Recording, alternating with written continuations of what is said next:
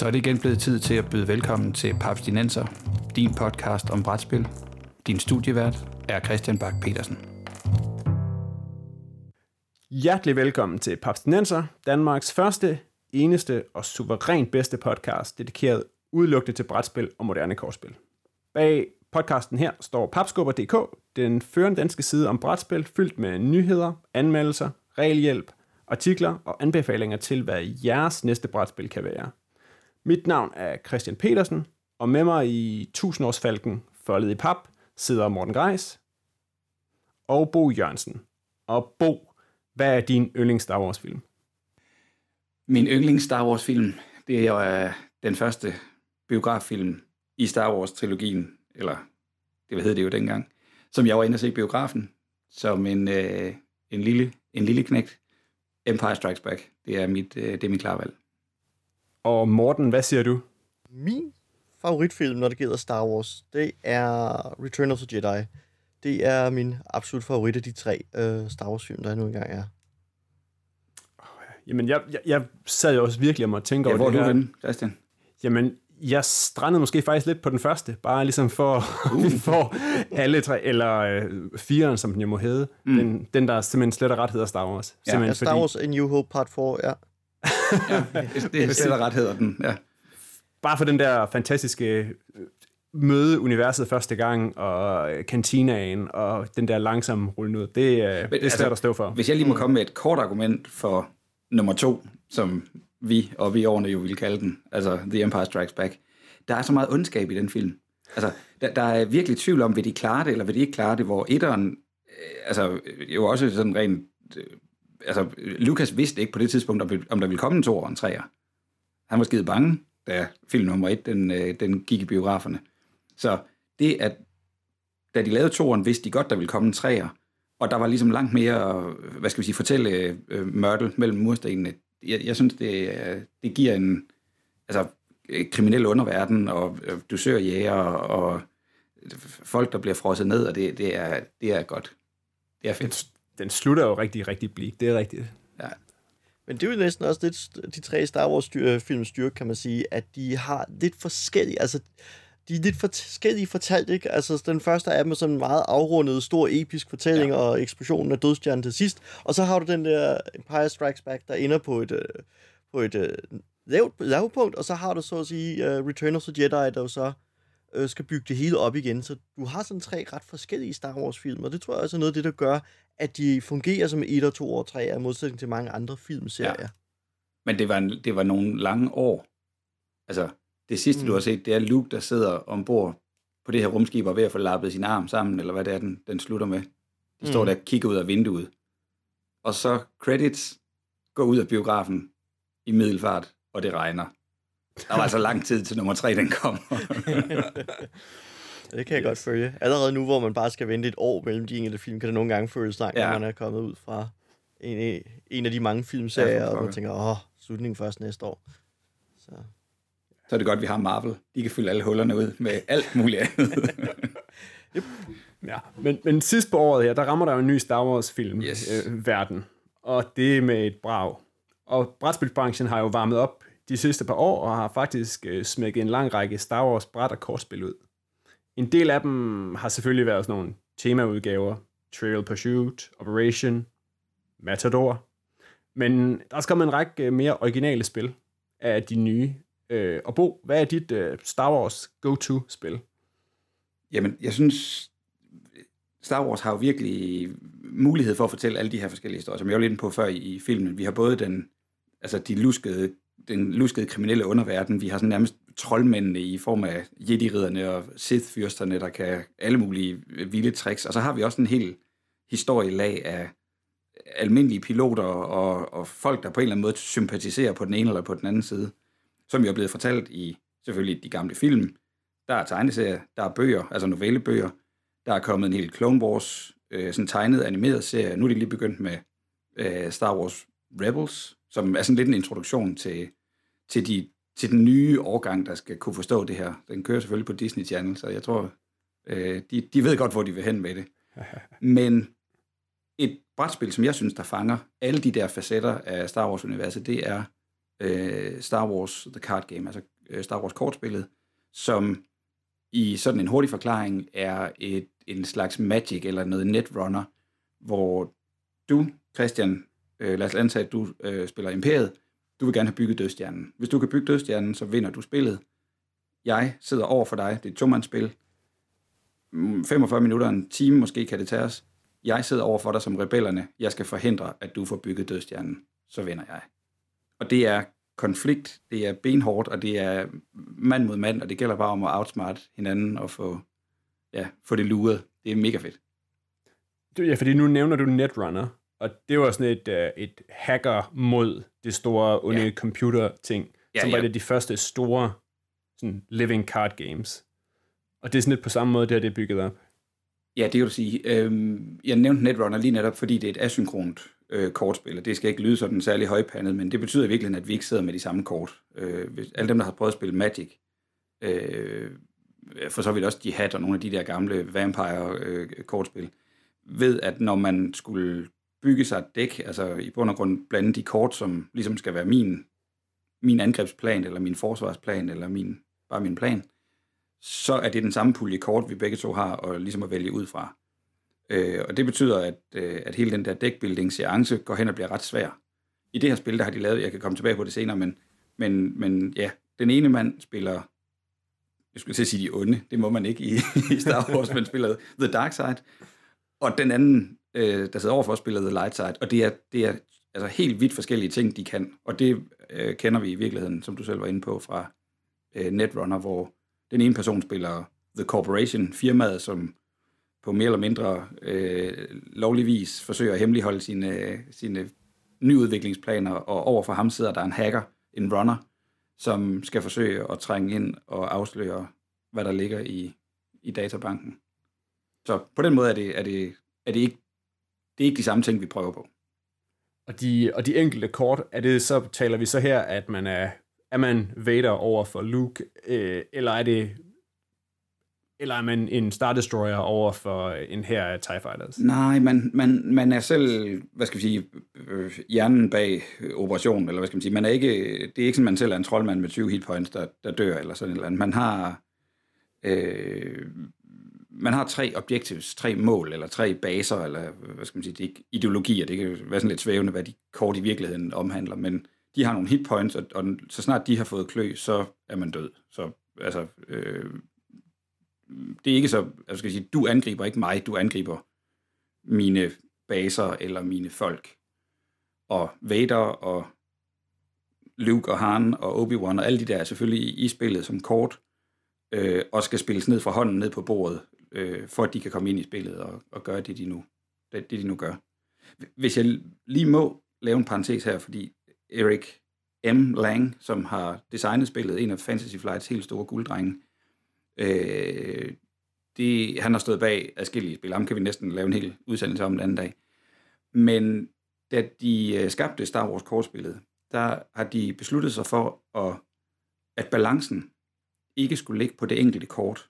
Altså man kan sige, når jeg sidder med et kort øh, på hånden, om det koster to eller tre eller fire øh, point, eller hvad vi skal kalde det, og få det spillet ned på bordet, det har en, der er en balancefaktor i det. Så hvis du sidder med et kort, der koster 3, og jeg sidder med et kort, der, kort, der koster 3, så skal de nogenlunde være lige gode. Sådan har det været i Magic, og sådan har det virkelig været i ret mange andre spil, hvor altså et kort kan puttes ind i dækket i, i deckbuilding sammenhæng.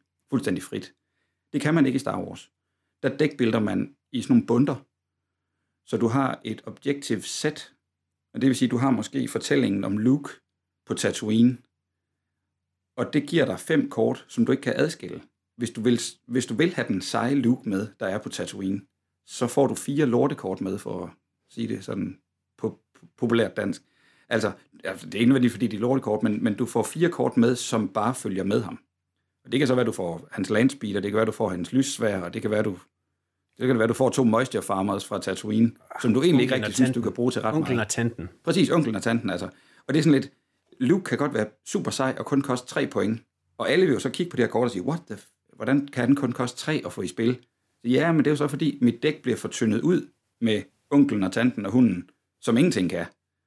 Så på den måde har de fået balancen ligesom flyttet et niveau højere op, og det er en spilmekanisk genialitet, øh, som, som virkelig gør, at i virkeligheden skal du ikke dække billedet med enkelt kort. Du skal kigge på de her sammenhængende af fem eller seks kort, og se, hvad er de værd, sammenlignet med andre fem eller seks kort, der hænger sammen.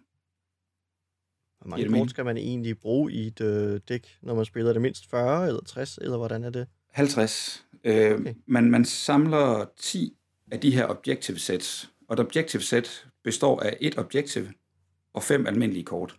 Så objectivesne lægger man i, til side i et objective dæk, og de altså 10 gange 5 andre kort lægger man til side i et command dæk. Og det er sådan set det reelle dæk, du, du spiller ud fra. Men det vil sige, at du får tre baser vendt fra dine, dit objective dæk, og så trækker du en hånd på seks kort, der er en blanding af alle dine, øh, dine command-kort. Så, nu lander de. øh, men nu nævner du det der med, hvor mange kort der skal være, og som, nu er det jo som sagt en del af sådan et living card game, det vil sige, ja. vi har en, en grundpakke, hvor man kan spille masser ud af, men hvordan er det i forhold til udvidelser? Der er kommet en række, hvad kan de? Hvad tilføjer de spillet? Ja, det er fuldstændig rigtigt. Altså, det er fuldstændig ligesom Fantasy Flight har valgt at, at genopleve nogle af de andre collectible card games. Altså, øh, for dem, der ikke ved det, var Netrunner jo også et almindeligt øh, altså køb køb et, et, et grund... 10.000 booster packs. Ja, køb booster packs, ligesom Magic var, ikke? Der var måske nok et grundsæt, eller en, en jeg kan ikke huske, hvad de hed, var der nogle starter packs, eller hvad de hed, og så var ja. der booster packs derfra.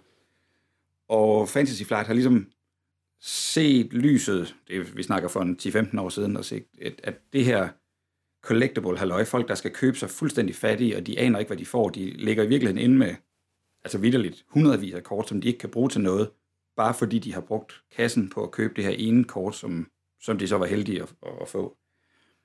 Øh, så hele Living, game, living øh, Card Game øh, metoden kan vi, kan vi måske komme tilbage til, men det er rigtigt, der er et grundsæt, hvor der er en, øh, et startdæk til Jedi's, der er et startdæk til det, der hedder The, The Rebel uh, Fleet, øh, der er et Sith-dæk, og så er der The Imperial Navy. Og de fire kan man så købe ud af grundkassen spille, lige så tosset man har lyst til på, ja, på kryds og tværs. Der skal være en dark side og en light side, så, så, så meget kan man heller ikke kombinere dem dog. Men øh, hvert af de øh, øh, udvidelsespakker, der kommer, de er en del af en serie på seks udgivelser, som ligesom kommer herhen i løbet af en øh, forår og sommer. Og, øh, og det er seks små, sådan nogle 100 kroners øh, udvidelser, hvor der så er øh, nye kort til de seks fraktioner, der ligesom er i spillet. De fire, jeg lige nævnte før, og så er der så senere kommet øh, Smugglers and Spies, altså det vil sige Lando og Han og Chewie og alt, hvad der sådan ligger ud af fribytter, øh, piratdelen. Og så er der kommet en fraktion, der hedder Scum and Villainy, som er Boba Fett og Assassin Droids og, og sådan alt, hvad der ligger øst for Jabba's Palace. Okay, så hver gang man køber en udvidelse, så får man kort til alle de ja. fraktioner, der er. Yes. Og, og det betyder selvfølgelig, kan man sige, hvis man vil op og spille på et turneringsniveau, og man vil kunne sige, åh, oh, jeg vide, om ikke det kunne være sjovt at prøve at komme over og spille flåden, jamen så er man simpelthen sikkert nok nødt til at have købt alle de der udvidelser, men, men man kan sagtens bare købe altså ingen af dem, eller, eller købe tre af dem, hvis man falder over dem. Og de kort, der så er, jamen de er der, og de kort, man ikke har, jamen dem har man jo så sjovt nok ikke. Altså, men, det, det piller ikke noget af spillet, bare ved at spille det sådan mod dig mod mig. Øh, men det er klart, hvis man skal, hvis man skal op. Altså, Fantasy Flight skal også, kan vi sige, det, det er en forretning for dem. Så de prøver hele tiden at flytte spillet. Det er jo ikke, det, det, er jo, det skal man forstå med alle de her kortspil, at der er ikke nogen pointe i, at, at spillet står stille. Så hver sæson, der udkommer af de her kortudvidelser, der bliver introduceret nogle nye øh, keywords, som de hedder i de her spil. Det, vi har set det samme med Game of Thrones. Øh, I Star Wars, den, øh, altså den sæson, der er ude nu, jamen der er de lige pludselig kommet med seks udvidelser, som alle sammen cirkler omkring piloter. Hvor før i tiden, der kunne man godt, du ved, ligesom spille en attachment ned på et andet kort og sådan, noget. nu er der kommet en, et regulært spilmekanisk element, der er en pilot. Han koster et eller andet at spille ned, men du kan få ham billigere ned, hvis du placerer ham ind i et andet fly. Det har selvfølgelig den ulempe, at hvis flyet ryger i luften, så er det ikke så sjovt at være pilot i det. Men, men du ved, de bliver ved med hele tiden at skubbe grænsen for, hvad kan man nu? Hvad, hvad, hvad er det næste? Og det vil sige, det dæk, du du havde for to år siden, der egentlig var meget godt, det kan så godt være, at det bliver fløjet, fløjet bagud øh, øh, nu til dato. Okay. Igen, der er jo ikke den store forskel fra, fra rigtig mange andre brætspil, som jeg også vinder ved. Man tilføjer udvidelser, og så bliver det selvfølgelig lige en tand sjovere. Men hvis man nu skal, du siger, at sådan nogle udvidelser, de er sådan i 100 kroners klassen. Er det ellers et dyrt spil at kaste over? Nej, altså jeg, jeg, altså, som Inger, jeg tror, sådan grundkassen koster vel en 350-400 kroner i det nabolag, og der er så de her fire startpakker, udover der er alle de tokens og, og, og øh, altså brikker, der skal bruges til at spille spillet, reglerne selvfølgelig. Øh, og der er man, der er man fint kørende. Øh, og, og så er det jo så først, altså et eller andet sted, Fantasy Flight håber selvfølgelig på, at der er en eller anden i spilgruppen, der bliver bit nok af det til, at han går ned og køber den, den seje tusindårsfalk og begynder, og de andre kigger lidt misundeligt og tænker, oh, hvorfor har jeg ikke den, eller kan jeg vide, hvad der ville ske, hvis jeg havde Vader som øh, i hans egen TIE Fighter. Må ikke det kunne blive sjovt. Og så ruller rolladen måske øh, med data derfra, ikke? Men dog, så man kan sige, man er, man er sikker på, hvis man går ned og køber den her pakke, så får man en Vader. Fordi, jeg ved, Morten, du har, du har haft fingre i, i det collectible card game, som udkom sådan i, i kølevandet på, på Magic der i slutningen af 90'erne. Og der nåede jeg også at købe et par kasser af dem, og man fik jo aldrig de fede figurer. Men var der, var der faktisk et, øh, et spil, der var værd at samle på ned under det? Se, det er jo et, et fint lille spørgsmål, fordi altså, Star Wars Card Game som, uh, som samlespil øh, kom jo i hedene på Magic Gathering tilbage i midten af 90'erne, og der er vi jo tilbage i en periode, hvor alle skulle være med på uh, Magic-bølgen, så det vil sige, at alle spil blev udgivet som Collectible Card Game, og blandt andet Netrunner, Call of Cthulhu, noget til Vampire Rollespil og hvad ved jeg. Og de fleste af dem forsvandt jo enten fordi de simpelthen bare var uh, Magic Rip-Offs, der ikke fortjente at være på markedet, eller også så forsvandt de i den flodbølge af Magic-kort øh, og andre kloner osv., fordi der var simpelthen for mange spil til, at der egentlig var kunder nok til dem alle sammen. Man øh, kunne købe sig fat i bare et enkelt et af dem, og at samle på mere end et var jo derfor nærmest en umulighed. Øhm, Star Wars-spillet, synes jeg, havde den charme, at det tog, øh, i modsætning til det nye Star Wars card game fra Fantasy Flight, så det gamle, det brugte øh, fotos fra øh, fra filmene af, så det vil sige, at når man har stormtrooperne osv., så er det ikke øh, de her ellers meget, meget smukke tegninger, der er til det, til det nye Fantasy Flight kortspil. Øh, men så er det billederne, og det giver, synes jeg, en, øh, en anden form for, hvad skal jeg sige, nostalgi eller charme omkring spillet, at man sidder og kigger på de her sådan, fotos, og kan faktisk genkende scener fra filmene af med det. Øh, og Øh, hvis man var lidt heldig, eller hvis man, øh, som i visse tilfælde, købte nogle andre samling, så kunne man godt komme i nærheden af at have Darth Vader og Obi-Wan Kenobi og sådan nogle ting. Øh, og så var det sådan set meget fedt at spille, fordi at det var, der var en vis fed ting i at smide Darth Vader i spil. Som spil i sig selv, synes jeg ikke, det var, øh, der var det et blandt mange. Der var ikke sådan noget, jeg vil sådan sige, der, der gjorde det øh, ekstraordinært spændende.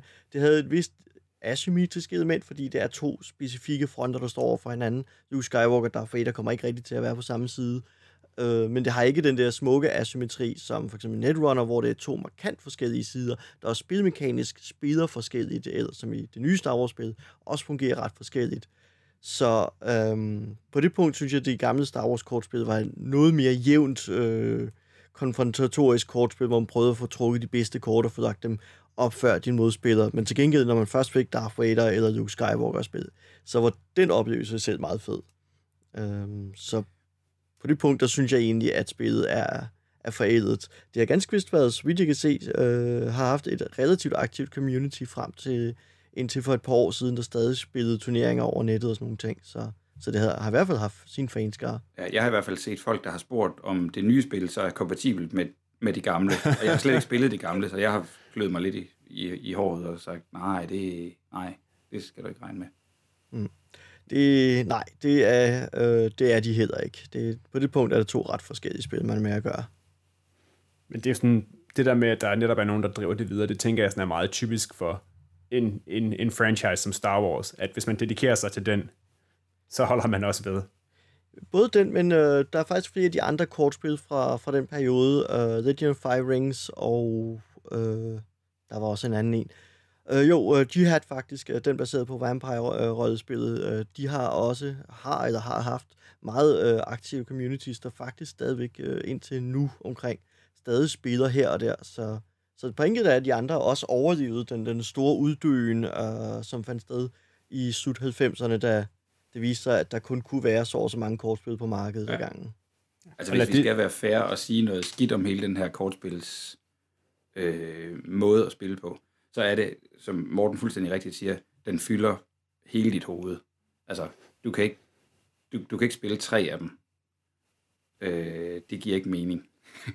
altså, antallet af kombinationsmuligheder, eller ting, du skal sidde og nørde dig ned i, altså det er, det, er, det er fedt, men det er også fedt, fordi det er nørdet. Ja. Mm. Men lad, lad for også lige det være et, et, et shout-out. Hvis der sidder nogen derude, der gerne vil spille On The Edge med mig på et tidspunkt, så har jeg rigtig mange kort liggende. Uh, øh, så vil jeg også godt byde ind med en. Jeg har Babylon 5 tv-serien som kortspil, um, som jeg kun har fået spillet en smule, og som var for de af os, de er meget få af os, der godt kunne lide tv-serien Babylon 5. Okay, så spiller jeg ind med, jeg har øh, startdæksene til Nightmare Before Christmas, The Collectible Card Game liggende. Skulle der sidde en derude, så ved I, hvor I kan få fat på mig. okay, du vinder, du vinder bog. den, den, den var jeg ikke engang stødt på. Den, uh, den var okay. godt nok ny for mig. Det må jeg ja. Det. Ja.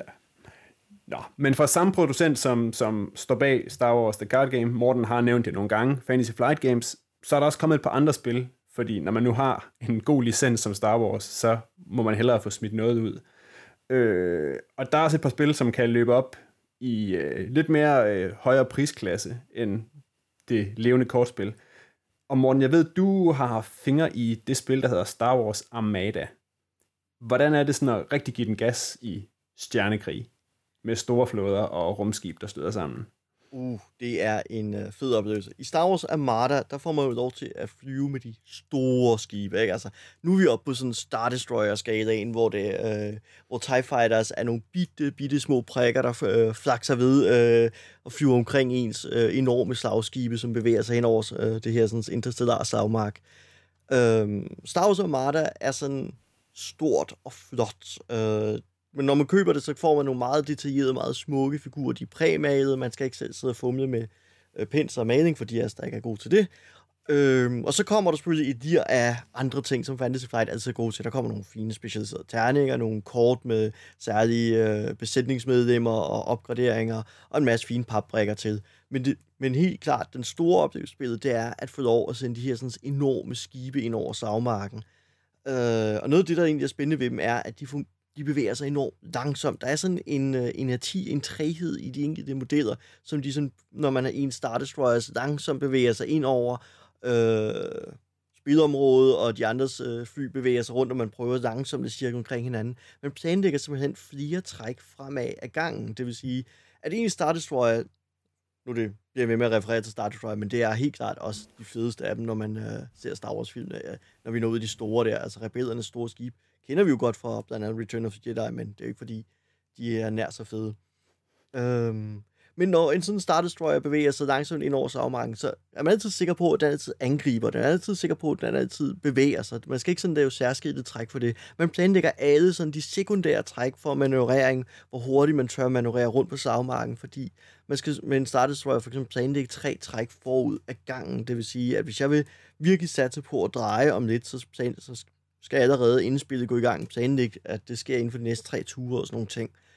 Øhm, så der er en, en fascinerende ting omkring, hvordan man manøvrerer de her sådan, enorme skibe. Og man prøver virkelig sådan at komme op på siden af hinanden og levere bredsider, og virkelig komme i de her sådan, enorme bombardementer. Man har sådan to store skibe, der flyver op på siden, og, og der er de her sådan, enorme udvekslinger af skud. Uh, og det er noget af det, der gør uh, Fantasy, uh, Star Wars Armada til et, uh, til et spændende og et rigtig fint spil. Og så, så er der så charme ved, at rundt om det, så suser der alle mulige små X-Wings og TIE Fighters i små dogfights, øh, som nærmest bare bliver fejret til, eller fejret til siden, når de store skibe kommer svævende. Ja, det er jo sjovt, fordi det er også Fantasy Flight, der står bag det spil, der hedder X-Wing, som også er et miniature game, hvor man styrer netop de her små skibe, som du nævner, Morten. Øh, men hvordan adskiller, eller hænger det sammen med et spil som Armada? At de, øh, styrer man dem, kan de spille sammen, Armada og X-Wing? Øh, nej, øh, altså de har nogle små ting i ligheder. Altså det er jo helt klart samme holdet designer og så videre. Så der er altså nogle, hvad skal jeg sige, nogle ligheder i designet, der gør, at når man lærer det ene regelsystem, er det relativt hurtigt at lære det næste. Men de to spil er ikke kompatible med hinanden. Skalaerne er simpelthen øh, til dels så, så forskellige, at øh, det giver ikke mening. Øh, hvor en X-Wing øh, i X-Wing Miniature Game for Fantasy Flight er en selvstændig model, og man, det vil sige, man styrer helt ned på detaljeniveau, hvilke piloter har i de specifikke X-Wings, så er en X-Wing i uh, Armada reduceret til at være en hel gruppe af, af små fly, man flakser rundt med. Um, så det, det er sådan to meget forskellige uh, måder at spille det på, og gør også, at det giver to ret forskellige oplevelser. Så, så der er altså betydelig forskel i, om man spiller meget med, at uh, den specifikke manøvrering er en X-Wing, eller om man sådan prøver at guide en helt flåde øh, og undgå, at en Star Destroyers brager ind i hinanden, øh, mens man gør det. Ja, man kan sige, i, i Armada, der har øh, de små rumskib, det er ikke fordi, de er reduceret til ingenting at betyde. Altså, en, en, en Star Destroyer, der bare ligger og passer sig selv og bliver løbet henover af en flok A-Wings eller, eller B-Wings eller sådan noget, den får klø. Så, så den må også have sin TIE Fighter derude, men de har så en lille ikke jeg vil ikke kalde det et spil i spillet, men de påvirker hinanden på en ny måde. Øh, for eksempel, hvor mange har jeg rundt om mig, som er mine egne, altså som er mine venner, som er mine, som er mine øh, hvad hedder det, øh, wingman, som så lige pludselig giver plusser eller, eller minuser til, når du skal til at skyde osv. Så, så dem opererer du i virkeligheden også som enheder. Og du er slet ikke nede og kigge på, hvem sidder i det ene fly eller det andet fly. Det er, det er sådan lidt mere statistisk. Åh, det var godt. Jeg derovre. I klarede at få trukket nogle TIE Fighter til den forkerte side. Øh, nu døde I så godt nok af det, men vi takker jer. ja, altså det, de små fly fungerer fint som sådan skjolde. Altså det minder mig en del om uh, tv-serien Battlestar Galactica, når, uh, altså når Battlestar Galactica kom flyvende og møder en af de her uh, stjerneskibe fra, ja. fra Cylons af. Den måde, de udkæmper med, at de bombarderer hinanden, og så er der foregår nogle intense dogfights i rummet mellem de to skibe. Det er sådan en positioneringskamp i virkeligheden. Ja, ja. præcis. Ja, for nu snakker jeg om, hvordan de ligger i forhold til hinanden. Og jeg bliver aldrig nogen stor spiller i de der klassiske store Games Workshop tabletop-spil, altså hvor man spiller på et bord frem for et bræt, hvor det ligesom er bordet, der er grundlaget. Fordi jeg simpelthen var virkelig dårlig til at måle mig frem til troppers bevægelse og afstand, når der skulle skydes og sådan noget.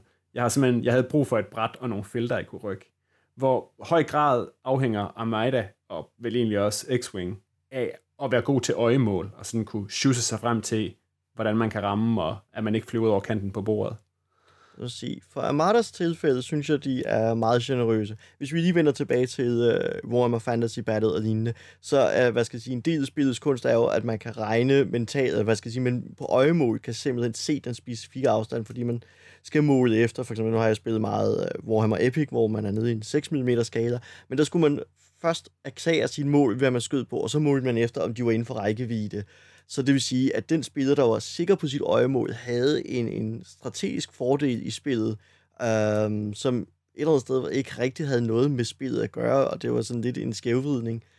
Øh, og det synes jeg, Armada egentlig løser meget fint, fordi Armada man bruger stadig nogle målepinde til at se, om man er inden for rækkevidde, men, må, men man må ret rundhåndet måle efter, og man flytter ikke på millimeter, som man gjorde i Epic. Man flytter sådan, man sætter sin, øh, man har en, en slags pind øh, med flere led på, det minder lidt om tommestok nærmest, som man sætter foran sin skibe, og så flytter man egentlig sine store savkrydser øh, eller savskibe og krydser, dem flytter man ved hjælp af den her sådan, tommestoks ting, og drejer den for øh, et vist antal gange, for ligesom at afspejle, hvor manøvredygtig den er.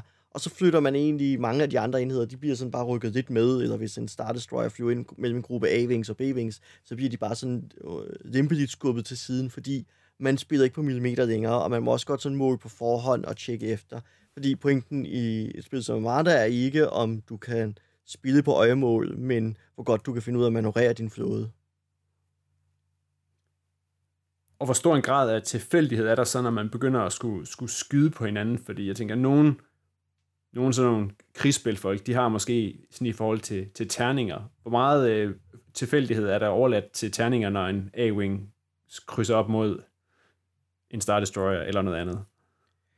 Der er, altså, der er uundgåeligt et element af tilfældighed, øh, men det synes jeg er er noget, der hører til i, eller hvad skal jeg sige, næsten findes i alle de der figurkrigsspil, om det er førnævnte Warhammer-spillet, eller, eller øh, X-Wing eller Armada. Man har sine speci- specialterninger, som man ruller, og alt efter, øh, og man sammensætter en pulje af dem, alt efter, hvor langt, hvor, hvor langt man er fra hinanden, hvad type enhed der er, der beskyder en anden type enhed, således, øh, og så ruller den anden nogle forsvarsterninger, og så matcher man op og ser, hvilke resultater genererer man, øh, om det er nok til at presse igennem. Så det gør også, Der er at... et langt stykke, der er et langt stykke øh, statistik i det i virkeligheden, ikke? Hvis du sætter ja. nok X-Wings til at skyde på de her tre TIE Fighter, så skal du nok få dem. Altså, mm. Godt jeg ikke lige får dem den her runde. Det kan godt være, der var en af dem, der var heldig, og han lige kunne... Øh, men det er sådan langt mere øh, de, øh, de, de, de taktiske overvejelser. Det er ikke... Øh, altså, har jeg grundlæggende manøvreret rigtigt, så skal det nok på en eller anden måde gå godt. Det er ikke sådan ned på, ej, der er uheldig. Vi tog fire timer om at spille det her, jeg slog en etter, og så tabte jeg det hele. Så man kan godt, være, man kan godt blive god til det. Helt sikkert. Og- Ja, ja. Bestemt. Ja. Ja, og man kan sige, det næste, det er jo så, at du kan, der er nogle af de her kommandoer, som, som Morten han nævnte før, som man, øh, som man giver flyene mange runder i forvejen. Dem kan man, de har sådan nogle sekundære handlinger. Så hvis du har bedt dit rumskib om at altså, skyde den sindssygeste bredside, og forskellige ting, så lige pludselig gør, at du finder dig selv i en situation, hvor det giver ikke rigtig nogen mening at lave den her skyde en bredside. Så kan du gemme den som sådan en, en form for, mm, vi har et forbedret skud i baghånden. Så næste gang jeg så får lov til at skyde, det bliver godt nok ikke helt så intens som det der superskud, jeg havde øh, stillet mig op til, men jeg har dog noget i ærmet. Øh, så det ikke bare er tough luck, og der spildte du godt nok tiden. Øh, det, det fungerer, synes jeg, rigtig fint. Og det er helt, helt klart et udtryk for en spiltest. Altså, det var ikke noget, man ville have kommet ind i spillet, hvis ikke de selv havde prøvet det og sagt, ah, der er et eller andet her, der skal, der skal kigges på. Ah, det, det er ufedt at have programmeret tre ting, og så er man bare lige så stille cruiser hen. Ja, men også, altså, vi kender alle sammen de der Space Alert-agtige spil, hvor du kan se, nu går det galt. Det går galt om en time. Nu skal jeg bare sidde her og vente en time på, at det går galt. Ikke, At- øh, ikke helt en time, vi skal vente i Space Alert, men, men det er ikke særlig sjovt at, at vide, at det går galt lige om lidt, og jeg ikke kan gøre noget ved det. Det er ret sjovt at vide, at det går galt lige om lidt, og jeg har en lille chance for at kunne gøre noget ved det, men, men det er noget andet. Okay. Så nu snakkede vi om pris før med, øh, med kortspillet. Øh, kan, man, øh, kan man købe sig til en, øh, til en, en flåde, der er så sej, at de andre ikke kan, kan tæve en i, øh, i Armada? Uh, lidt kan man, eller rettere, det er i hvert fald en dyr omgang at kaste over Armada. Altså grundpakken har jo en vejledende salgspris på omkring 1000 kroner, og så kommer der jo så tillægspakkerne med ekstra tropper, uh, altså ekstra slagskibe, ekstra små enheder af TIE Fighters og X-Wings og sådan nogle ting. Uh, på det punkt kan man jo godt købe sig til et forspring. Nu bygger man så sine hære op, sådan så de styrkemæssigt er sat op relativt i forhold til hinanden, og i forhold til det scenarie, man vælger at spille. Men der er helt klart et, øh, et buy-in i øh, Star Wars Armada, som, som er væsentligt. Uh, det er ikke noget billigt spil at kaste over. Så det kræver lige den tand mere dedikation, og man skal vide, hvad man går ind til, end hvis man nu vil samle kassen med, med kortspillet op, for eksempel. Det øh, altså, Star Wars The Card Game er, er relativt billigt, og det er sådan fint at sætte sig ind i uden, altså, altså fint spillet, tage en chance med at sige, kan jeg lide det, kan jeg ikke lide det. Star Wars Armada, det er, det er en anden sag, der skal man helst på forhånd vide, at jeg synes, det er spændende at flytte slagskibe hen over en slagmark og sådan ting. Øh. Men, men hvis man først er Star Wars-fan og godt kan lide den type taktisk spil, så er Armada øh, helt klart også værd at øh, se, begynde at spare op til og kaste over. Hvad siger du, Bo? Du har også, øh, du har også flyttet rundt på, øh, på, øh, på dødstjerner og Star Destroyers. Øh, bestemt, jeg, jeg er virkelig, virkelig glad for de spil, og jeg, jeg, jeg, jeg har bare måttet erkende, at min tid er ikke til at kunne være, du ved, dybt nørdet nok på så mange spil, som jeg i virkeligheden gerne ville være. Så, så min, min kærlighed ligger på, på kortspillet lige nu, fordi det i virkeligheden, altså i det spil får jeg også øh, både TIE Fighter og Corvetter og, og Star Destroyer, så jeg synes, kortspillet fortæller mig også historien om, hvordan Akbar går i fælden. og, og, og, og, hvad skal jeg sige, det, det er ikke for, altså, øh, Armada er super, super sejt, isoleret set, men, øh, øh, men ja, ja, jeg har, har mere lyst til det andet, sådan er det. Okay. Men Jeg ved også, øh, du nævnte i, altså jeg nævnte i starten, at der findes rigtig mange brætspil i Star Wars-universet. Og Bo, du nævnte før udsendelsen, at øh, du i din karriere som X-Wing-pilot faktisk går helt tilbage til slutningen af 80'erne måske, da du spillede et af de meget tidligere spil, der hed Star Warrior. Ja, gamle West End Games. øh, som jo havde licensen til Star Wars, både brætspil og rollespil i, nu siger jeg lige slut 80'erne. Jeg er ikke engang rigtig klar over, hvornår de mistede den, eller jeg, jeg kender faktisk ikke helt historien. Gør du det, Morten? Uh, nej, jeg er ikke helt sikker. De mister den først uh, op omkring efter 2000, mener jeg, fordi okay. det er Wizards, der overtager den og laver det næste Star Wars rollespil, som er baseret på deres D&D eller Dungeons Dragons 3rd Edition, og 3rd Edition blev lanceret i 2000. Okay. Så, Men så ja, de har det West fald lang tid. ja, og de spyttede jo rigtig mange ting ud. Jeg har jo ja. Stået og kigget på sådan nogle øh, svært trolddomlignende ting, hvor man kæmper, hvor man sidder med to bøger og kæmper Star Destroyer mod, ja, bla, man kæmper nok X-Wing mod TIE Fighter og den slags. Ja, Ja. så, og rollespillet. Altså, jeg, jeg kan huske et, øh, et lignende spil, som, som ja, Svær Trolddom øh, beskriver det meget godt i virkeligheden. Sådan en lille, øh, et lille spil med to bøger. Meget sakspapir stenagtigt i virkeligheden, men det er Lightsaber Duels. Husker jeg det, som om det hed. Det kan godt være, det havde en anden titel. Men det var en lysværsduel mellem, øh, i virkeligheden i The Empire Strikes Back, altså på Cloud City, hvor Darth Vader og Luke, de skal battle den ud om, hvem der er den fedeste. Øh, og det er sådan en lille, du ved, jeg, jeg laver det her move, så går jeg om på side 16, og så er der en tegning, og så kan jeg læse op, hvad der skete. og når jeg så gør 16, og du er på side 30, så bladrer du til side 15, og så læser du op, hvad der skete der. Så, så det var sådan en gang saks, papir, sten, men, men over flere sider, og nogen, altså på nogle af siderne, der var der kun saks, og meget, meget lidt sten. Ja, der blev din hånd hugget af. Ja, præcis. Og, og der var nogle gange, så vidste man godt, og når jeg kommer i den her situation, så det eneste, jeg kan gøre, det er at lave en salto. Altså, hvis ikke jeg laver en salto nu, så, bliver jeg, så får jeg skåret begge armene af. øh, og, og, altså ja, de, de producerede en del spil. Der var jo i virkeligheden, som du sagde, Star Warriors, som var sådan et, et, et, et altså godt gammeldags flade papbrikker på heksfelter, Yes. som i øvrigt var et, øh, altså et, der var sådan et, et star map med i kortet, selvfølgelig, man skulle ud og flyve.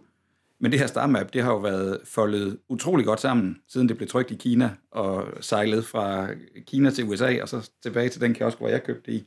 Så du fik jo aldrig nogensinde et, et, et flat star, star map ud af det der spil. Og alle de der små papbrikker, der skulle lå der og glide rundt oven på hinanden, det var, det var, det var noget råd. Der er en masse bakker ude i rummet, de, Men, skal opad. Men i virkeligheden, ja. Et, øh, et spil, der gik på... Øh, I virkeligheden, hvad X-Wing, The Miniature øh, Game, er gået hen og blevet, nu hvor de bare selvfølgelig har fundet ud af, at det kan lade sig gøre at, at lave relativt billige øh, plastikfigurer. Men hvor du havde en lille øh, firkantet papbrik, som var en X-Wing, og en lille firkantet brik, der var en TIE Fighter, øh, eller tre. Og så var der dogfights mellem dem. Og sådan i bedste Avalon Hill-stil, så havde du så et ark, hvor der stod, hvilken pilot sidder der i hvad, hvor hurtigt flyver han. Jeg kan huske, et af spillet, sådan store omdrejningspunkter, det var, at du havde sådan en turn radius, eller en turn arc, eller sådan noget, som var, hvis han flyver så hurtigt, så kan han kun vælge, altså så skal han flyve tre felter lige ud, for at han må dreje en heksside, hvis de kan følge den. Så det vil sige, hvis han fløj 8, og han skulle flyve to lige ud, før han må dreje en heksside, så var der altså grænser for, hvor, hvor hurtigt han kunne lave et, et, en 180 graders vending. Og TIE Fighterne, de var jo overdrevet manøvredygtige, så de fes jo ind og ud mellem hinanden, men de havde så ikke nogen skjold, og altså, det virkede fint. Øh, det har vi spillet, spillet meget. Øh, Mm. Ja, slut 80'erne er mit bedste øh, sådan huske, huske erindring om det. Men det, altså, det, er jo, det, er jo, det er jo bare fedt, og det er jo også derfor, man får helt tårer i øjnene, når man ser et spil som, som X-Wing, og i virkeligheden også Armada. Øh, hvor flot det er blevet præmalet figurer, og det ligner jo simpelthen, du får lyst til at samle din telefon op og, og lave din egen film øh, lige der på stuebordet. Nu skal jeg lige høre, fordi nu uh, her til sidst, vi er ved at nå ved vejs ende, til vejs ende. Jeg skal høre, hvor fedt er det? Er det lige så fedt at spille de onde, eller The Dark Side, som det er at spille The Light Side i de her spil? Jeg vidste bare flat out, ja. Og også federe. Øh, Jeg synes, det er ret fedt, øh, men også, nu har Star Wars-universet været gode til at lave nogle markant fede skurke, ikke? Altså Darth Vader, Boba Fett og lignende, er jo bare rigtig seje skurker, og det vil sige, det er ret fedt at få lov til at flytte rundt på dem, og, og øh, eller på talrige navnløse, ansigtsløse stormtroopers, og sende, deres, øh, sende de her hårder i folk i hvide rustninger ind over slagmarken. Det har jo øh, en helt, helt øh, egen charme. Altså i kortspillet, der får vi nogle gange kombineret nogle, altså nogle alliancer, som, fordi det jo selvfølgelig er et deckbuilding-spil, men der er lige pludselig nogle folk, der begynder at hjælpe hinanden, som man ikke nødvendigvis lige ville have set. Øh, altså, hvor man sidder ved bordet og tænker, den scene gad jeg godt have set i filmen. Men du ved, når, når, når General Veers og Jabba, de slår sig sammen og siger, godt, nu, nu, muler vi, øh, nu muler vi de her rebeller, nu skal de fandme lære den. Og når det så virker, og deres personlighed er kommet til udtryk igennem spillet, så er det altså smukt, hvor man tænker, hey, du ved, Jabba med en lille smule øh, øh, nogle, nogle spioner, der lige kunne have fortalt ham lidt, og så et par fly lige til at lave The Mob Up, det ville have virket smukt. Måske skulle man bare simpelthen sørge for, at, øh, at George Lucas han hurtigst muligt får fat i en kopi af det her spil, fordi det lyder, det lyder bedre end, øh, end en del af tingene fra etteren. Jamen det, jeg synes, det, det, det er jo i virkeligheden om noget, det smukke ved Star Wars, det er, at det er en stor legeplads. Ikke? Vi, man kan blive ved med at fortælle historier i det univers, og det behøver ikke være hovedplotlinjen, som Lucas så også har regnet ud med, med annonceringen af hans nye øh, serie, som kun kommer til at handle om, om piloterne og, og lidt under kriminel underverden i, øh, i Star Wars-universet. Det glæder jeg mig meget til. Må ikke også, der følger nogle spil i hvert fald, som øh, kunne øh, tabe ind på den. Det tror jeg nok. Det kan man vist roligt forvente. Der synes Ja. jeg allerede at være nogle sjove ting på vej her undervejs. Altså jeg tænker på, der kom, er jo annonceret både en Star Wars Carcassonne og en Star Wars Quirkle, så sådan to solide spil nu med øh, Star Wars øh, finish på. Ja. Der skal nok være øh, folk, der er parat til at samle det op. Fuldstændig.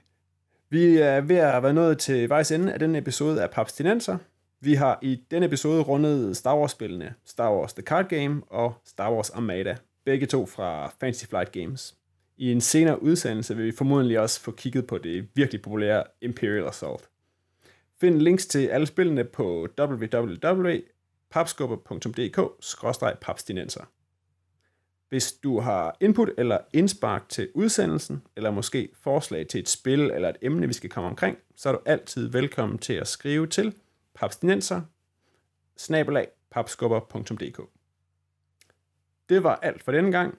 I papstinenser TIE Fighteren sad Morten og Bo.